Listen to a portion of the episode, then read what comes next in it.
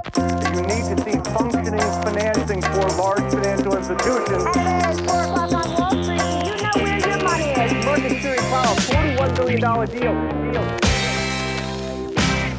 Då är det dags för ett nytt avsnitt av Investerarens podcast. När det här spelas in har det hunnit bli onsdag den 15 november. Det vill säga, vi är halvvägs in i den starkaste börsmånaden på året i alla fall sedan 1984 och det är ju rätt länge sedan för då var undertecknad minus 3.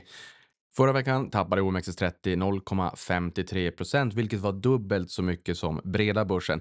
Vi har ju sett under ganska lång tid att breda börsen har gått sämre än OMXS30, alltså de 29 mest omsatta bolagen på Stockholmsbörsen. Det här har reverserats lite grann. Jag tycker att det här ändå är intressant därför att många av de lite mindre bolagen har ju gått riktigt, riktigt dåligt under ganska lång tid nu.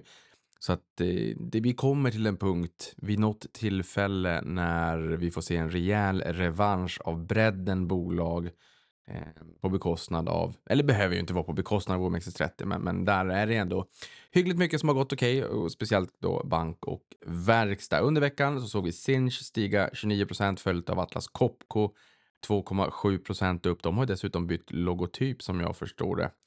Eh, och sen ABB då plus 2 procent. I botten hittar vi Nibe, SBB och Kinnevik.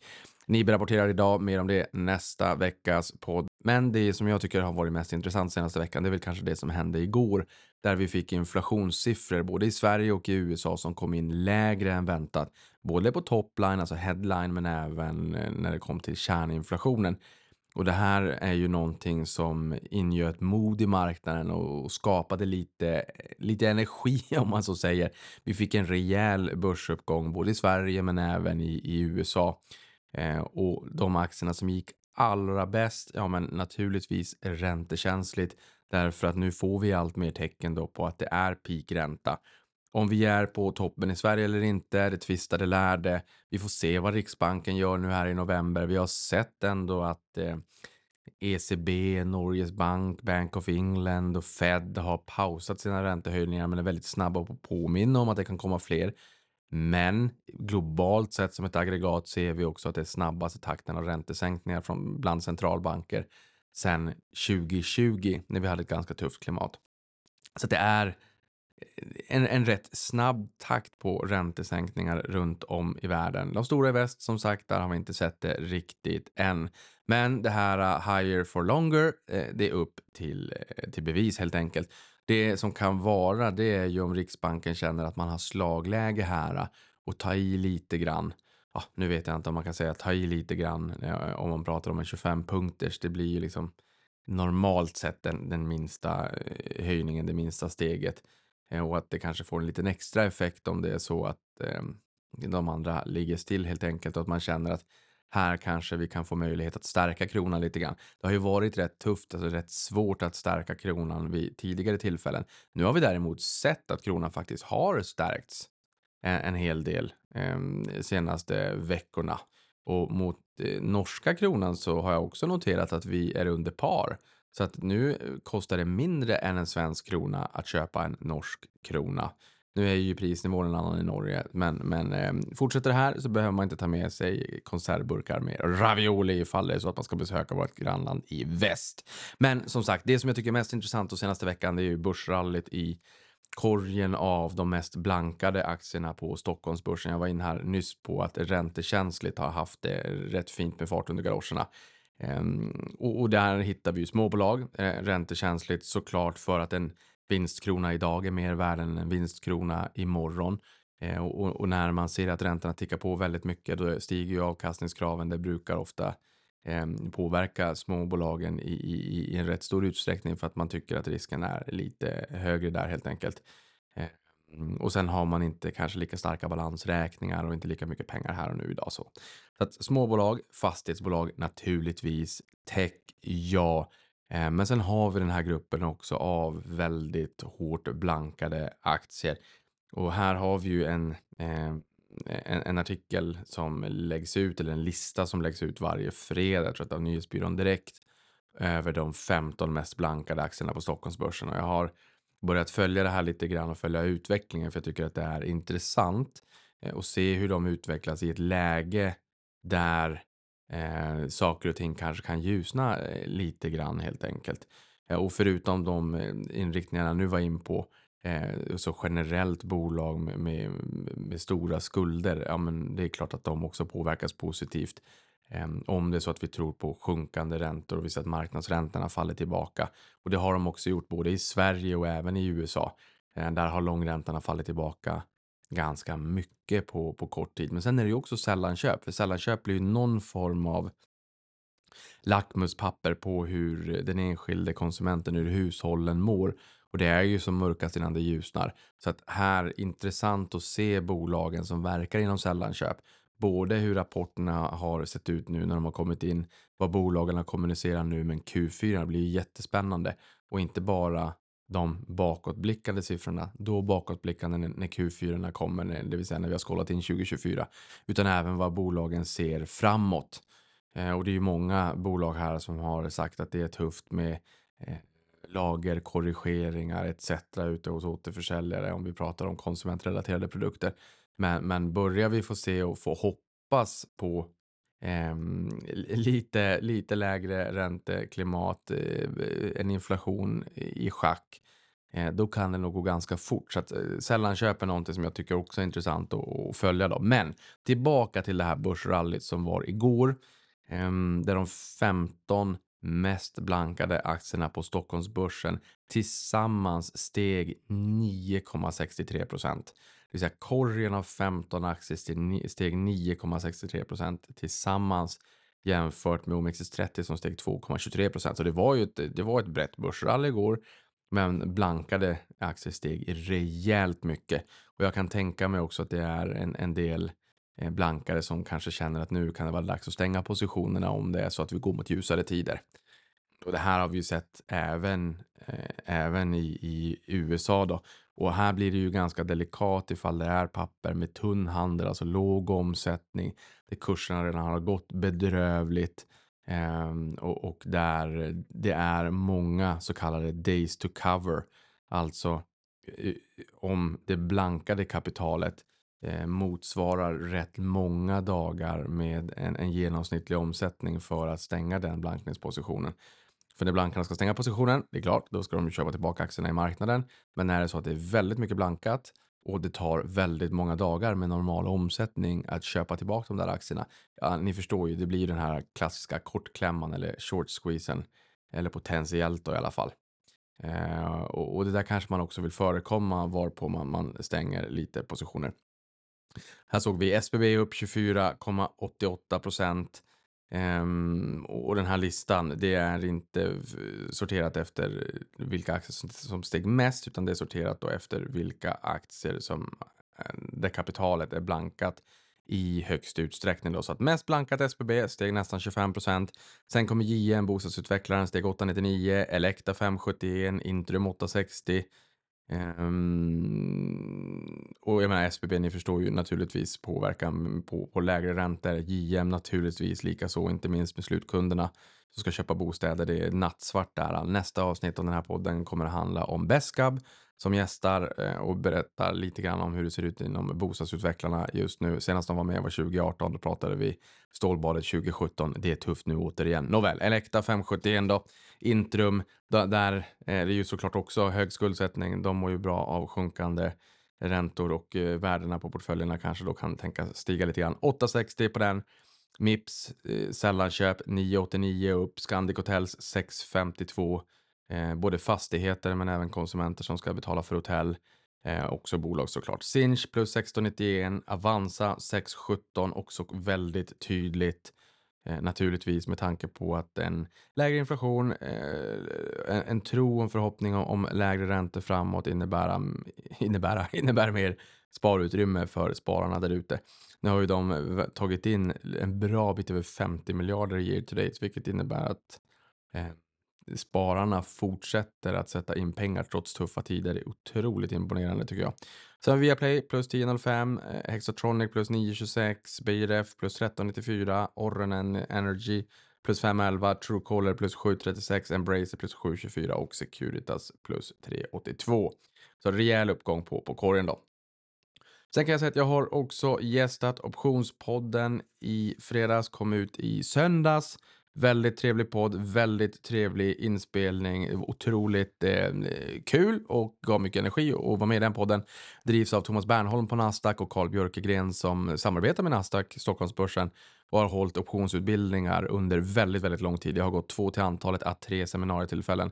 Carl är en fantastisk inspiratör och en otroligt duktig pedagog. Eh, det var jättekul att vara med i, i den podden helt enkelt. Det handlade ju inte jättemycket om optioner för där sa jag vill ni prata om optioner då eh, kanske jag inte kan bidra jättemycket utan där handlar det väl lite mer om börsen och hur man kan tänka, man kan bygga portfölj och min resa och Montrose och lite grann vad jag tror om börsen framåt och sådär. Så att mer ett, eh, ett eh, mellanmjölksavsnitt mellan de vanliga optionspoddsavsnitten. Och jag kan väl bara säga stort tack för att jag hade tydligen varit en väldigt efterfrågad eh, gäst eh, under lång tid. Så då kände de att då bjuder vi in Niklas. Eh, och prata kan jag ju och prata gjorde jag. så går vi vidare. Förutom rally i blankar-aktierna så har vi också haft ett fastighetsrally senaste tiden. Min fastighetslampa blinkade ju väldigt mycket för två veckor sedan. Jag kände att jag måste ringa in Peter Norhammar, vilket jag gjorde. Han kom och gästade podden, avsnittet som gick ut i början på förra veckan. Ehm, och där sa vi ju att eh, det kan gå fort när det väl vänder och, och det har det ju lite grann gjort också. Jag menar fastighetsmarknaden har ju, har ju varit rejält tuff senaste åren, rejält tufft. Um, Krex, Carnegie Real Estate Index var ner 55 procent någonting från toppen 21 till, till botten i fjol och sen så gick det upp över 50 procent och sen så pulveriserades hela den uppgången och däremellan hade vi också en, en uppgång på 34 procent enkom under juli månad i fjol för att man trodde att räntorna skulle börja sjunka tillbaka. Eh, det var lite för tidigt. Eh, den uppgången kom också ner och sen såg vi faktiskt intradag att, att eh, botten inte sattes 2022 utan faktiskt 25 oktober i år. Ehm, så det har varit rejält tufft fram till eh, slutet på oktober. Men nu såg vi då en, en rejäl rebound igår. Eh, indexet med ett hundratal aktier upp 9,58 procent lätt av SBB plus 24,88 som sagt. Coren plus 17,77, Nyfosa plus 16,77, Balder plus 15,27 för att nämna några. Eh, och då kan man tycka, åh jädrans vad det gick upp mycket, det där måste ju vara en överdrift. Ja, kanske i det korta perspektivet, kanske under en enskild dag, vad vet jag, men när det väl vänder så går det ju väldigt fort. Och vi ska komma ihåg att eh, sektorn är extremt nedtryckt i skosulorna. Eh, vi har sett rejäla uppgångar tidigare. De uppgångarna hade helt pulveriserats fram till 25 oktober nu igen. Så är det så att vi tror att inflationen nu sjunker tillbaka, räntorna nu faktiskt kommer ner eh, och dessutom som Fabege har varit ute och sagt också att hörni, nu känns det ändå som att eh, obligationsmarknaden mår lite bättre. Bra. Ehm, det, är, det, det, känns som trevliga faktorer helt enkelt. Sen har vi världens största, största, Day Wish.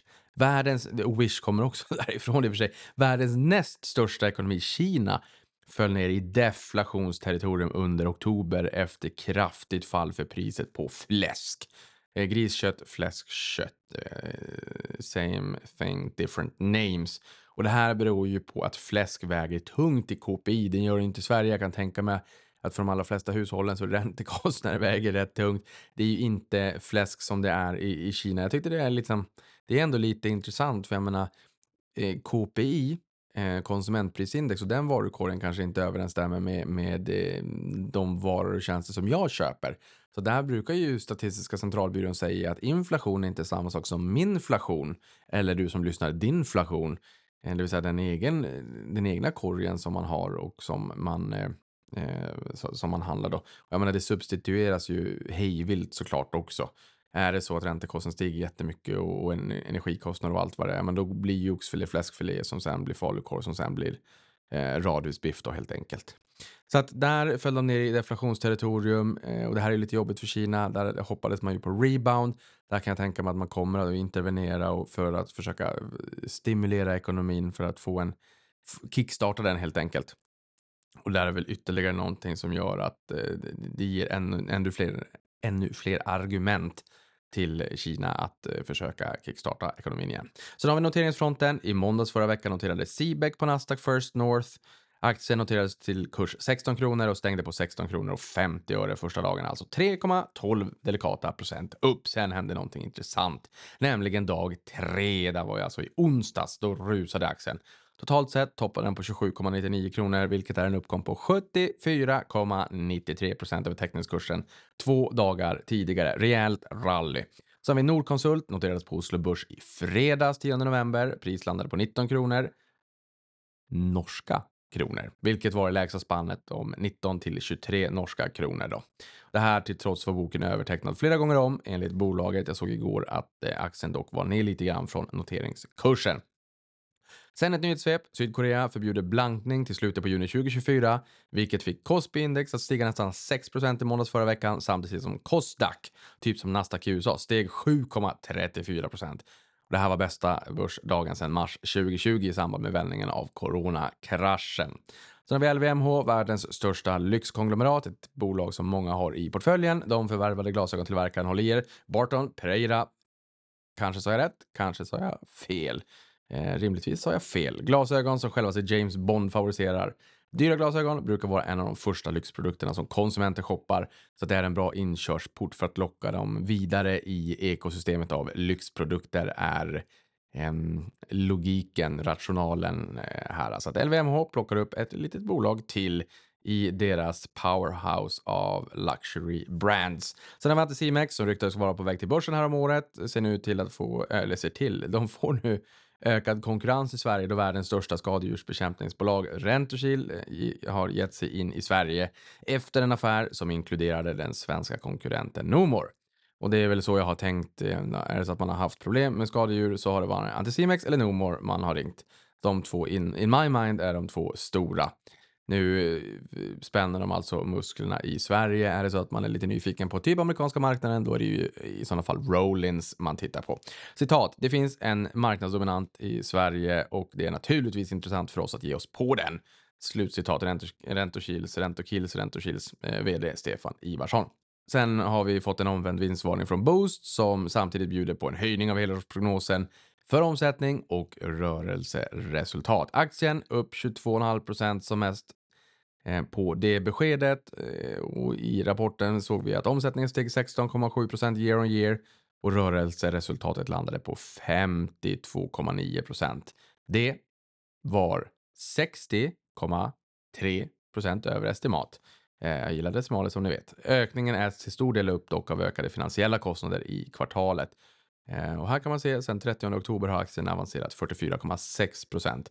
Boost får ju faktiskt kategoriseras in som sällanköp och ett litet lackmustest på eh, konsumenten där ute också. Så har vi Amazon lägger till Swish som betalmetod på den svenska sajten. Spännande initiativ som säkerligen lär öka konverteringsgraden samtidigt som det också vittnar om vilken framgångssaga Get Swish är. Fler än 8 miljoner svenskar använder Swish ägs av storbankerna gemensamt. Det är bara hatten av. Det är fantastisk innovation Eh, skulle jag vilja säga. Och vi har ju också, jag har ju haft Swish med i den här podden för väldigt, väldigt, väldigt, väldigt länge sedan. Så tittar man i katalogen så finns det ett avsnitt med Swish. Eh, och kan vara intressant att gå in och lyssna på det avsnittet också. Eh, med Swish ordförande, vill jag minnas det var. Kan man ju fundera kring vad vi pratade om då. Det här är ganska många år sedan. Och sen fundera kring vart vi är idag. Sen har vi spelplattformen Roblox som bjuder på en topline-tillväxt om 37,6% year on year samtidigt som förlusten var mindre än väntat. Dagligt aktiva användare uppgår till i snitt imponerande 70,2 miljoner och aktien rusade 19% på det här beskedet. Sen har vi House of Mouse, eh, det vill säga Disney som eh, adderade 7 miljoner abonnenter under kvartalet på Disney Plus varpå de nu har 150,2 miljoner abonnenter inklusive Hotstar. Och här förväntas streamingdelen nå lönsamhet i sista kvartalet för nästkommande brutna räkenskapsår. Och de noterade också att fritt kassaflödespås närmar sig pre-pandeminivåer under 2024. Kanske kan vi få se återupptagen utdelning. Och med de orden går vi vidare till försäljning av datorer som rusade närmare 25 procent under pandemin för att därefter packa ihop. Det blev en, en förköpseffekt kan man väl säga. När också väldigt många företag köpte hårdvara till sina anställda för att kunna jobba hemifrån då. Nu rustar däremot sektorn för en renässans tack vare AI, artificial intelligence. som ser ut att göra intåg i våra persondatorer, alltså inte bara de här äh, ultra äh, heta superdatorerna som, eh, som står i datacenter eh, utan eh, faktiskt hemma på våra respektive hemmakontor. Citat. We look at it as an opportunity to make the PC an Uber companion for how people get things done. Slutcitat. Investeringar inom AI tros bjuda på en 73% kagger fram till 2027 enligt IDC. Vad betyder det? Det betyder gör en hemläxa när det kommer till AI och vilka som blir vinnare. Det här är en väldigt spännande trend. Det kommer finnas vinnare och det kommer finnas förlorare och det kommer finnas bubblor som spricker. Så är det, så har det alltid varit, men trenden är väldigt spännande. Sist men inte minst, investmentbolaget AB Spiltan har beslutat sig för att notera aktien på Nordic Growth Markets, det vill säga NGMs huvudlista och därmed erbjuda daglig handel. Citat, beslutet är taget mot bakgrund av att många aktieägare önskar en daglig handel. Slutcitat av Per Börjesson. Det här tror jag är klokt. Veckohandel tycker jag kanske kan ha förstärkt svängningarna lite grann. Man har börjat kunna handla en dag. Det, liksom, det kokar ihop mycket av vad som har hänt under hela veckan. Och har det varit en, en eh, trist vecka så ska hela den nedgången då kanske tas på en dag och vice versa och det förstärker man sig i portföljen. Oj vad det går ner, här vill jag sälja eller oj vad det går upp, här vill jag köpa. Eh, jag har inga belägg för det mer anekdotiska. Det känns som att det finns en risk att den här veckohandeln kan förstärka eh, svängningarna upp och ner, ge folk lite ont i magen, kanske också göra att man köper eller säljer eh, baserat på kursen och inte på fundamenta. Och här vill ju Per och Börjesson faktiskt att man ska vara långsiktig. Det var lite grann syftet med veckohandeln. Um, men allt har ju sina för och nackdelar. Myntet har två sidor som bekant, så det ska bli väldigt intressant att se hans reflektioner efter en tid när man har haft aktien dagligt handlad. Och med de orden Tusen tack ehm, för den här veckan eh, så hörs vi igen nästa vecka eller till och med här bara lite senare eh, under dagen alternativt imorgon där avsnittet med Beskaps vd Carola Lavén kommer ut. Ehm, för som sagt, i de jävligaste av tider så är det ju rätt intressant att lyssna till bolag hur de tänker ta sig starkare ur en kris och en kris det har faktiskt bostadsutvecklarna nu eh, varit igenom eller går igenom. Så med de orden, tack för att du lyssnade på det här. Vi hörs igen nästa vecka. Avkastning på det. Tack för att du lyssnade på det här.